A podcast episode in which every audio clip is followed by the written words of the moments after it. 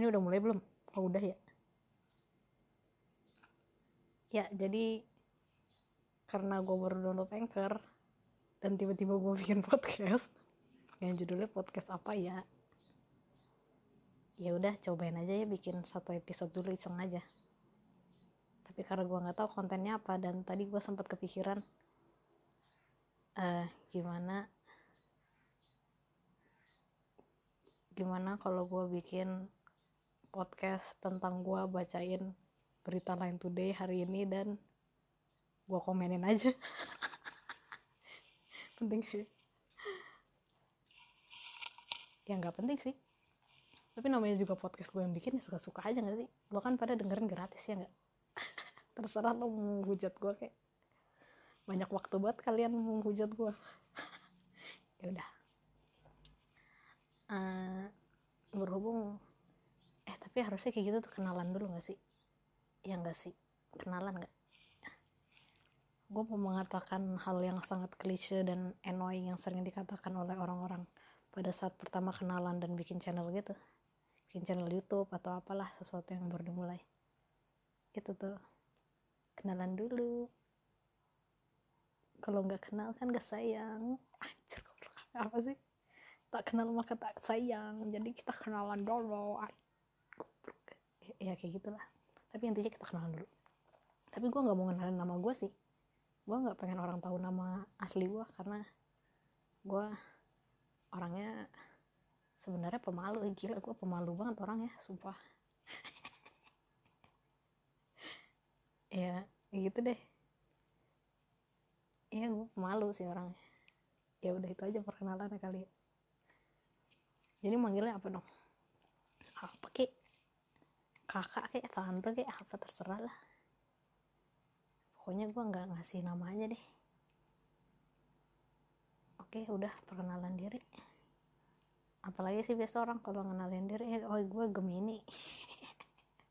Biasa orang kenalan kayak gitu gak sih? Nah gue orangnya lumayan ansos ya. Gue nggak punya sahabat atau teman dekat gitu ya sama aja sahabat sama teman dekat. Ya intinya gue nggak punya teman dekat gitu gue adalah tipe orang yang tiap hari bangun kantor kerja pulang uh, kerjain freelance uh, apalagi ya? Nggak tahu ya gue ada nggak sih orang yang hidupnya tuh kayak yang gak ngapa-ngapain gitu? Ya gue ada hobi sih gue gue wibu atau wibu nggak? Wibu itu adalah orang yang sebenarnya kalau arti sebenarnya adalah orang yang merasa dirinya adalah orang Jepang padahal dia bukan orang Jepang gitu. Tapi kalau di Indonesia wibu tuh ya semacam otaku gitulah. Yang suka budaya Jepang suka idol Jepang mungkin atau suka baca komik Jepang anime gitu gitulah udah dari kecil sih gue sempat ya gue kira itu cuma face kan masanya aja pada masanya. Terus gue sempat kehilangan jiwa keibuan gue gitu pas SMP gue beralih uh, kiblat ke barat-baratan dan gue sempat jadi fansnya Justin Bieber Bieber fever ya something like that. Man cringe banget. Ya nggak cringe juga sih. Ya, ya. Semua orang melewati masa itu. Ya gak sih? Ya gak sih? Apa gue aja? Ya gitu terus setelah melewati masa itu gue tiba-tiba beralih lagi ke masa di mana gue suka nonton uh, apa sih judulnya kayak crime murder gitu. Nggak banyak sih tapi gue paling suka tuh criminal minds dulu pas SMP kelas 3 apa kelas 1 SMA ya lupa gue tuh gue seneng banget tuh nonton-nonton ada yang psikopat gitu kayak ih gila ya orang bisa sampai sesadis itu. Terus gue mulai mendevelop karakter lain gitu. Uh, kalau kalau yang ngerti perwibuan ya yang sering nonton anime pasti tahu uh, sindrom Chunibyo gitu. Jadi sindrom Chunibyo itu adalah sindrom anak SMP yang biasanya dia tuh berdelusi bahwa dia adalah seorang yang spesial. Bisa jadi apa aja dia bisa merasa gila gue ini sebenarnya adalah ninja gue ini adalah orang super yang mempunyai kekuatan telekinesis gitu. Bisa apa aja. Dan Junibio gue dulu adalah gue merasa gue ini adalah psikopat. Gue gue sempet merasa gue gila gue suka ngeliat darah kayaknya. Gitu. Segoblok itu gue ya. Nggak tahu ya mungkin karena kebanyakan nonton itu ya criminal mind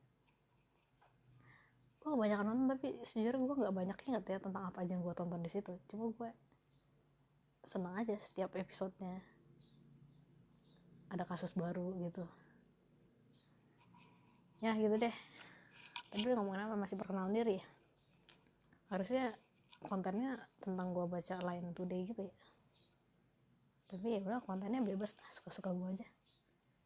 Jadi gue mikirnya mau bikin sesi baca lain today itu karena gue ini adalah tipe orang yang sangat jarang berpendapat. Jarang berpendapat secara subjektif. Gue ini orang yang tidak punya pendirian. Ya mungkin faktor gue gemini kali iya ya lah nyalain zodiak. Ya, gue nggak nggak susah banget punya pendirian sih orangnya. Kayak kalau ngedengar pendapat orang lain sini iya iya juga sih iya ya udah kayaknya kayaknya gitu lah. Terserah lu aja gitu. Tipe yang kayak gitu sih gue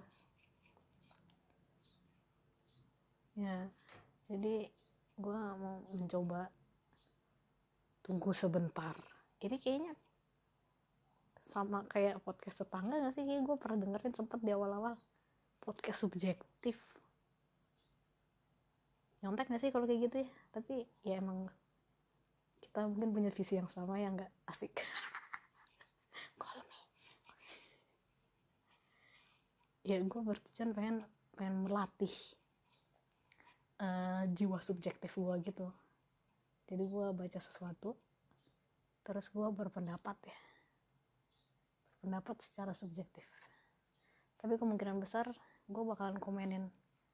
Tidak secara subjektif juga sih maksudnya secara subjektif tapi mungkin dari dua sudut pandang gitu. Gue biasanya selalu berpikir ah mungkin ya kayak gini gitu. Ngerti gak sih kayak misalnya ada orang maling gitu. Gue ini adalah perbuatan salah. Iya sih salah. Tapi maling ini mencuri karena ini. Iya juga sih kayaknya. Ya karena ini ya kasihan juga ya. Gitu. Gue tipe orang yang kayak gitu. Gue nggak bisa mengambil apa ya nggak bisa mengambil pihak. Pihak kata yang tepat gak sih? Gue nggak bisa mengambil uh, apa sih bahasanya yang tepat? Kayak sering denger ya. Udah kan goblok kan ketahuan gobloknya. Gitu lah yang gitu lah pokoknya gue orang yang susah punya pendirian gitu. Mungkin dengan gue punya podcast ini jadi gue bisa latihan berpendapat jadi subjektif. Gue sebenarnya nggak tahu sih itu adalah sifat yang baik gak sih? Menjadi seorang yang sangat subjektif tapi nggak baik juga sih kayaknya. Ngapain gue latih ya? Kayak fan fan aja sih gue hidup dengan kehidupan yang berada di tengah-tengah kayak gini. Apa ya istilah? Marginal people. Kayak salah marginal people tuh apa ya? Kayak itu sesuatu yang buruk ya? Enggak ya? Marginal. Marginal people. POPL adalah. Kok nggak ada yang nggak muncul kayak gue pernah denger kata marginal people tuh kayak buat orang apa ya orang susah apa ya? Apa sih? Tuh guys belajar bersama saya. Nggak mau nyebutin nama. Marginal people. Smith marginal. If you describe people as marginal you mean that they are not involved in the main events or development. Ya bener dong. Iya berarti gue marginal gitu gak sih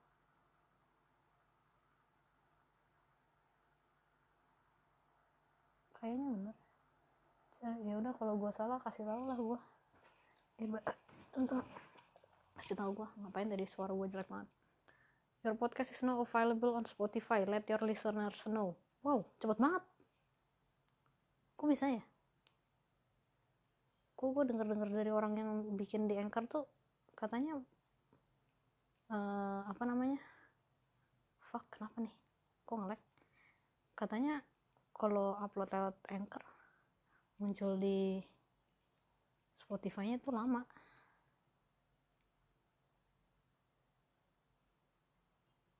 Kagak ada weh. Podcast apa ya? Kagak ada. P3 Kak perempuan-perempuan pengen kaya. Oke seru nih podcastnya. Cerita ya giber cerita cerita 30 banyak banget podcast ya sekarang gue rasanya pengen dengerin semua seru gue tuh suka eh tadi lagi ngomongin apa ya? Udah tiba-tiba loncat ke sini. Gue tuh suka mendengar cerita orang. Yang nggak suka-suka banget ya kalau misalnya random ada orang tiba-tiba cerita itu gue malas juga. Maksudnya gue tuh suka melihat kehidupan orang gitu loh. Gue orangnya kepoan sebenarnya. Gue tuh sebenarnya kalau lagi di jalan-jalan sendiri ngeliat ada orang duduk lagi sendirian gitu. Rasanya pengen gue tanyain gitu mas kerjanya apa? Penghasilannya apa? Penghasilannya berapa? Mas bisa hidup sampai di sini. Sudah melewati apa aja gitu. Kepo gue orangnya sebenarnya.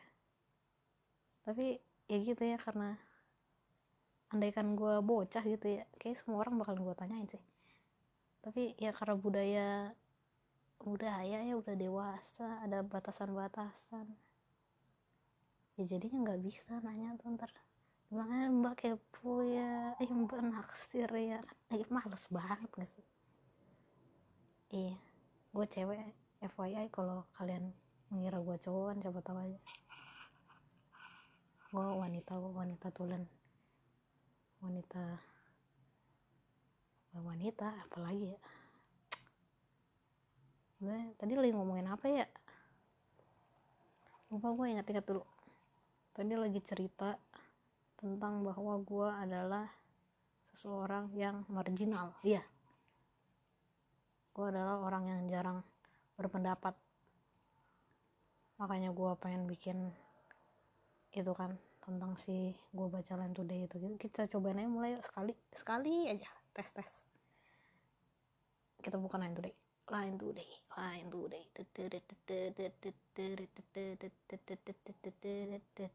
lah keluar deh oh, lain today hari ini lain today sekarang tanggal 12 Juli kita bacanya dari itu ya top top apa namanya top news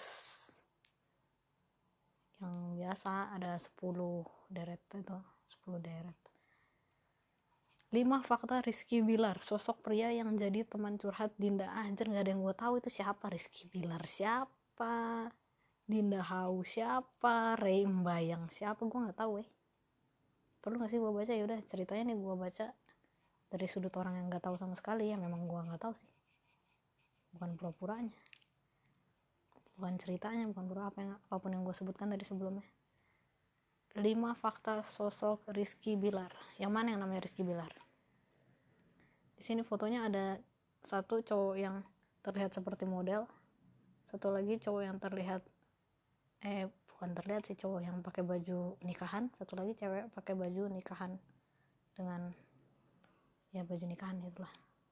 5 fakta sosok Rizky Bilar yang ikut menjadi perbincangan hangat di tengah kabar bahagia pernikahan Dinda Hau dan Ray Mbayang oh pernikahan Dinda Hau dan Ray Mbayang jadi yang namanya Rizky Bilar nih yang tampangnya kayak si model nih berarti. Pernikahan Dinda Hau dan Ray Mbayang telah dilangsungkan pada Jumat uh, 10 Juli 2020 ya pernikahan dua ya ya ya kok tiba-tiba ada ya ya pernikahan dua insan ini dapat dibilang mengejutkan lantaran tak terendus kabar kedekatannya di depan awak media. Gue bahkan gak tahu mereka siapa. Rupanya Dinda Hau dan Ray Mbayang telah menjalani ta'aruf dan hanya beberapa kali bertemu. Oke? Okay? Banyak yang tak menyangka bila Dinda Hau menikah dengan Ray Mbayang. Hal ini dikarenakan sebelumnya Dinda Hau dikabarkan dekat dengan Rizky Bilar. Oke, jadi ceweknya itu dekat sama cowok yang kayak model ini, tapi ujung-ujungnya nikah sama cowok yang pakai baju nikahan ini. Kenapa sih? Ya gitulah. Kenapa gue ngomongnya gitu ya? Kenapa gue ketawa ya? Gak tau deh. Bisa anda artikan sendiri uh, hal ini dikarenakan sebelumnya ya dalam sebuah ah, hal ini dikarenakan sebelumnya Dinda Hau dikabarkan dengan lawan mainnya dalam sebuah sinetron. Oh dia artis. Pemain sinetron. Namun ternyata kedekatan keduanya hanyalah sebagai teman curhat. Hal itu diungkapkan Rizky Bilar di laman Instagram pribadinya. Mana? Instagram pribadinya selamat tahun baru. Cetar cetar. Terima kasih. Itu ada emot emoticon yang kayak lagi perayaan gitu cetar-cetar terima kasih 2019 yang sudah mengajarkan saya banyak hal dan pengalaman. Semoga di 2020 ya pokoknya. Eh semoga di 2020 Hah? mengajarkan saya banyak hal dan pengalaman. Semoga di 2020 ya pokoknya itulah. Apa sih? Nggak ngerti kok mungkin maksudnya semoga 2020 lebih baik. Ya pokoknya itulah apa sih? Aduh gue gak ngerti sama captionnya. Eh ah, kepencet kan? Jadi kebuka instagramnya oh, gue lagi baca ini. Oh nih? Saya banyak hal dan pengalaman. Semoga di 2020 yang sudah mengajarkan saya banyak hal dan pengalaman. Mungkin maksudnya di 2020 bisa lebih banyak pengalaman gitu kali ya. Ya pokoknya itulah. Dan jangan lupa tonton terus JPGPH JG JPGPH atau apa? Nama sinetronnya kali ya gue search deh. Karena gue gabut. Dan ini adalah sebuah uh, ambisi ambisi apa sih? Gue sebenarnya pengen ngomong apa sih? Gue aja nggak ngerti loh. JPGPH enggak udah hafal ya gue jangan pinggir pinggir. Jangan pinggir. Jangan pinggir. Jangan panggil gue Pak Haji Jangan panggil gue Pak Haji adalah sinetron Indonesia yang ditayangkan perdana 23 Desember 2019 di SCTV sinetron dibintangi oleh Latif bla bla bla bla bla bla. Dan masih banyak artis lainnya. Oke pokoknya sinetron jangan panggil aku Pak Haji. Eh, sinetron religius kali ya. Uh, atas kejadian tersebut publik lantas penasaran dengan sosok Rizky Bilar. Lah? Rizky Bilar tuh bukan yang mainnya anjing gue nggak ngerti deh gue tuh maaf ya salah satu trivia lagi gue tuh suka ngomong kasar. Jadi mending disensor nggak ya? Yang gue suka podcast nah yang denger biasa orang-orang gede juga. Kali gara-gara gue mereka jadi ngomong kasar. Salah mereka sendiri lah. Atas kejadian tersebut. Penasaran dong. Atas kejadian tersebut publik lantas penasaran dengan sosok Rizky Bilar lah. Rizky Bilar kan artis kok. Penasaran sih berikut Tribun Style harus coba gue cek lagi deh. Jadi yang main di JPG PPH PH ini Dinda Hau. Oh Rizky Bilarnya kagak main di JGP PPH siapakah dia? Penasaran dengan sosok Rizky Bilar Berikut tribunstyle.com rangkum 5 faktor Rizky Bilar dilansir dari berbagai sumber di antaranya Rizky Bilar. Uh, jadi apa yang kalian rindukan selama PSBB? Oh ini ini apa podcast lagi Instagramnya si Rizky Bilar nih captionnya. Dia fotonya lagi pakai jaket hitam ada garis-garis kuningnya yang kayak uh, trotoar gitu. ya kayak kayak trotoar gitu kan lengtern kayaknya. Uh, ngomong-ngomong itu bukan kacamata minus ya. Alhamdulillah mata gue masih aman-aman aja kelakuan doang yang minus sedikit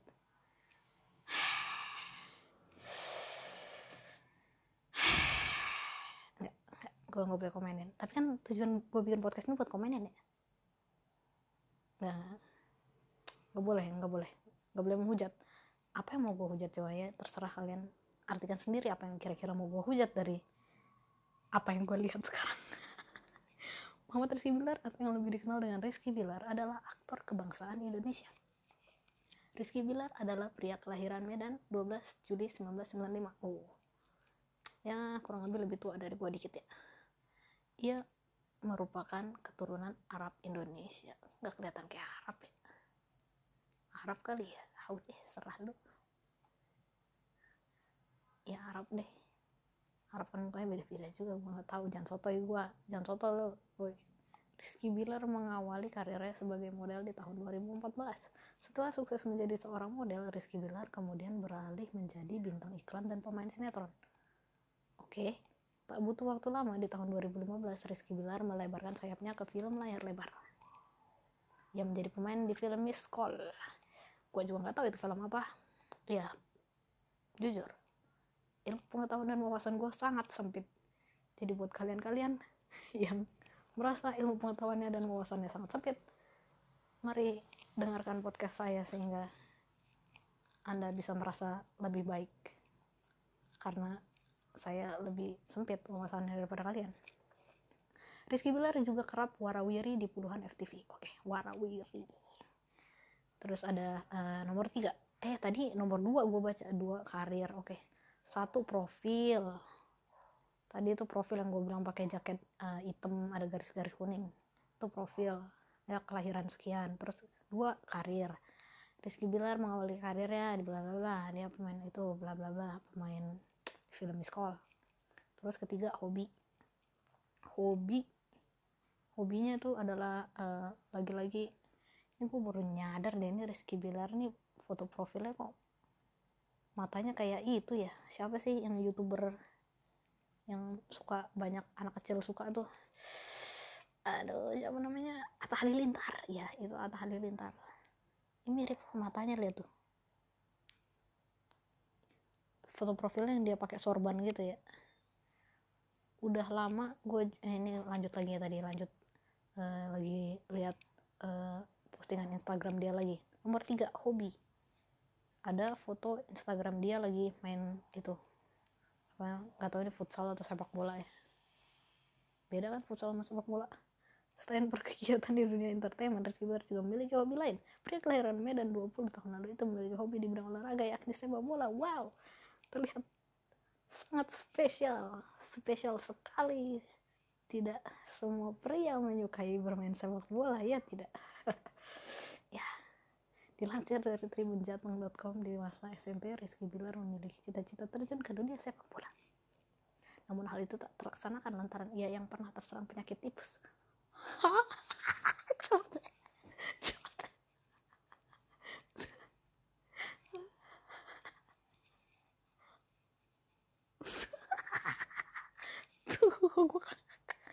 gue kena tipes nggak bisa jadi pemain sepak bola tuh gimana ceritanya tipes kan tipes kan penyakit yang bisa disembuhkan gitu maksudnya bukan penyakit kayak cacat apa gitu.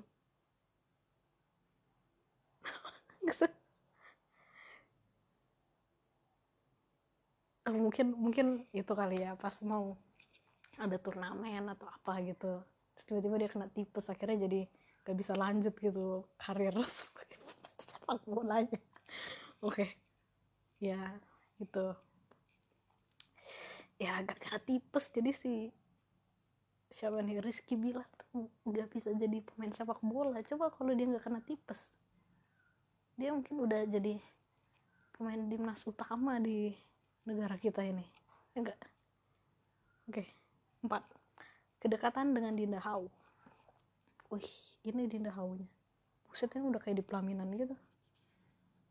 Fotonya ini ya foto Instagramnya nih baca captionnya. Ngidolain dia dari kepalanya nggak ada ah ngidolin dia dari kepalanya nggak ada rambut.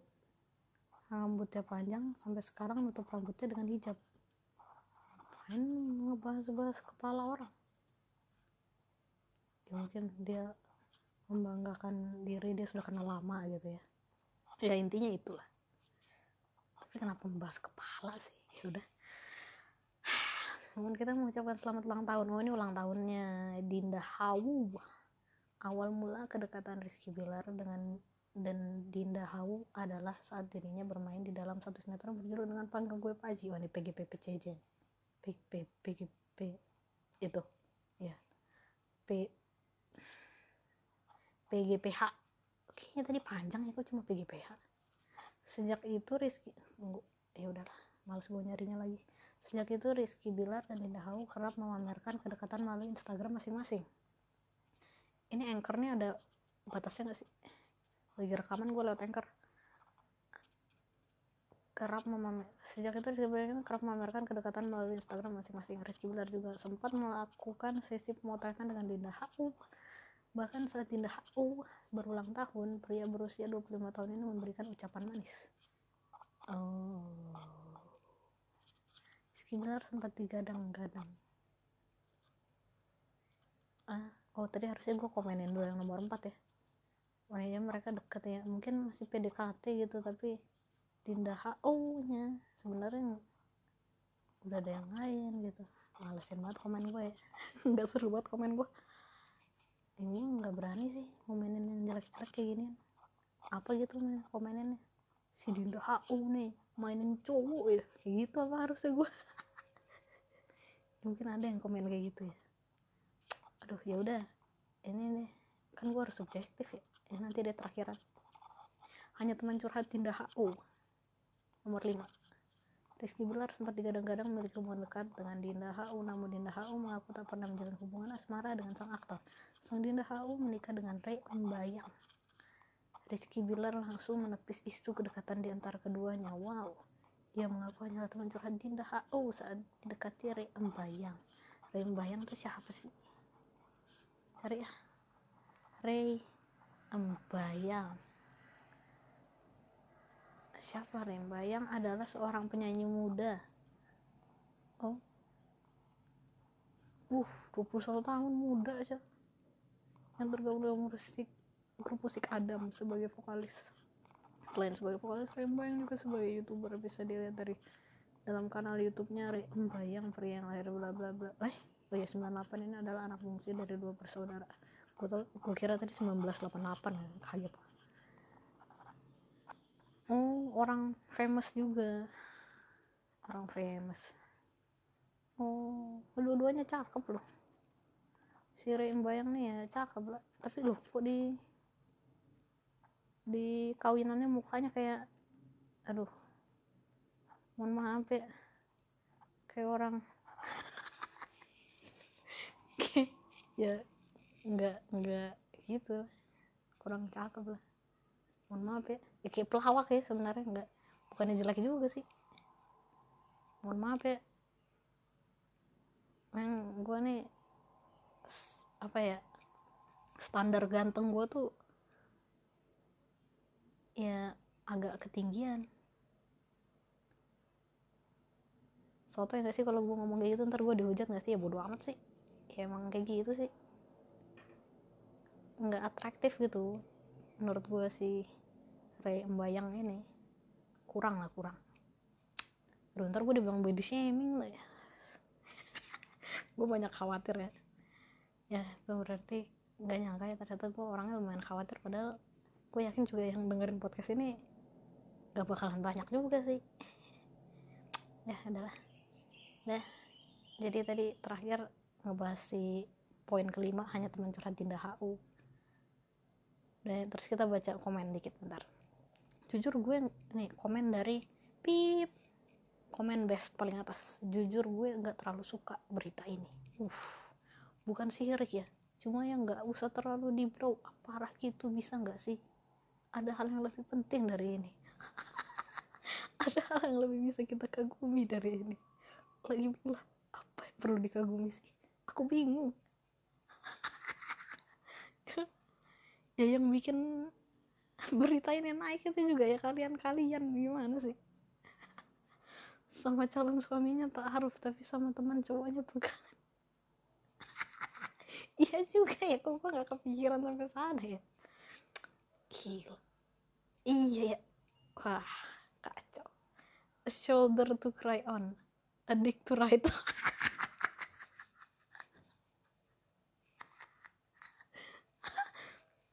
hmm Oh, okay. Shoulder to cry.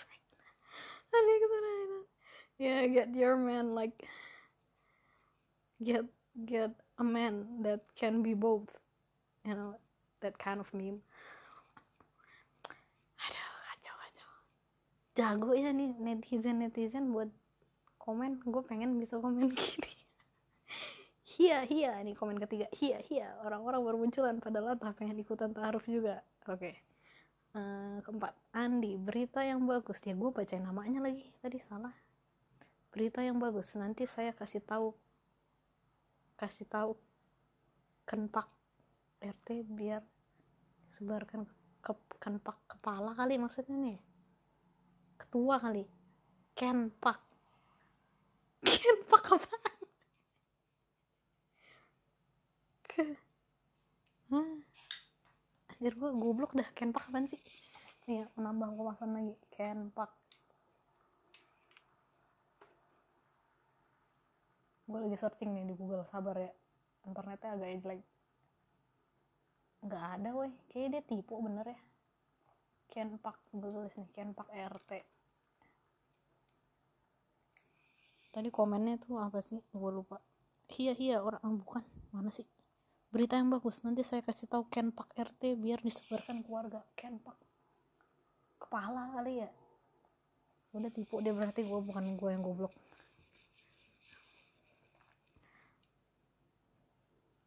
Ya jadi oke. Okay. saatnya sesi gue bersubjektif apa ya yang gue komenin ya? Kagak ada sih. Ya udah sih biarin aja nikah. Memang ada masalah apa sih? Gue nggak ngerti.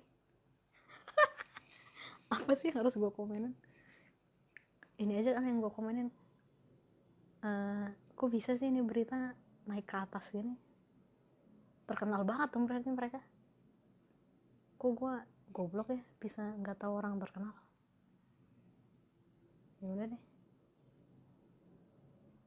semoga Dinda Hau dan Ray Embayang bisa langgeng. Kalau nggak langgeng ya tinggal pindah ke si siapa nih Rizky Bilar. Atau enggak ya udah nikahnya bareng bertiga. Terserah kalian. Gue gak ngerti. Gue gak paham. Udah yang seru aja deh coba ya. Gue bacain dulu. Nomor dua percantik wajah nih uh, populer berita populer. Urutan kedua Percantik wajah dengan perawatan filler dan botox. Ini pengalaman 5 seleb. Nomor 3, di balik karpet merah sulit menerima kritik. Aktor ini salahkan orang lain. Siapa? Tuh langsung kepo gue. Cari kambing hitam. Talk is cheap. Apaan? Tonjokan seorang sahabat. Siapa weh? Nggak tahu ah. Males gue bacanya hmm, tipikal orang Indonesia. Gue nggak bisa nyalin orang Indonesia sebagai tipikal yang males baca juga sih. Gue aja yang males baca kali. Ya update 12 Juli pasien positif COVID-19 bertambah 1006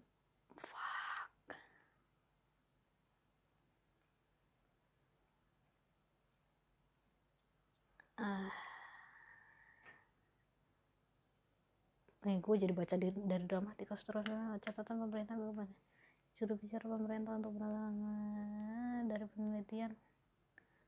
Terus berlangsung dilaksanakan oleh para kami mengingatkan kembali gunakan masker yang nyaman. Aduh ya memang harusnya masih lanjut lockdown ya. Tapi orang nggak mampu secara ekonomi itu gimana ya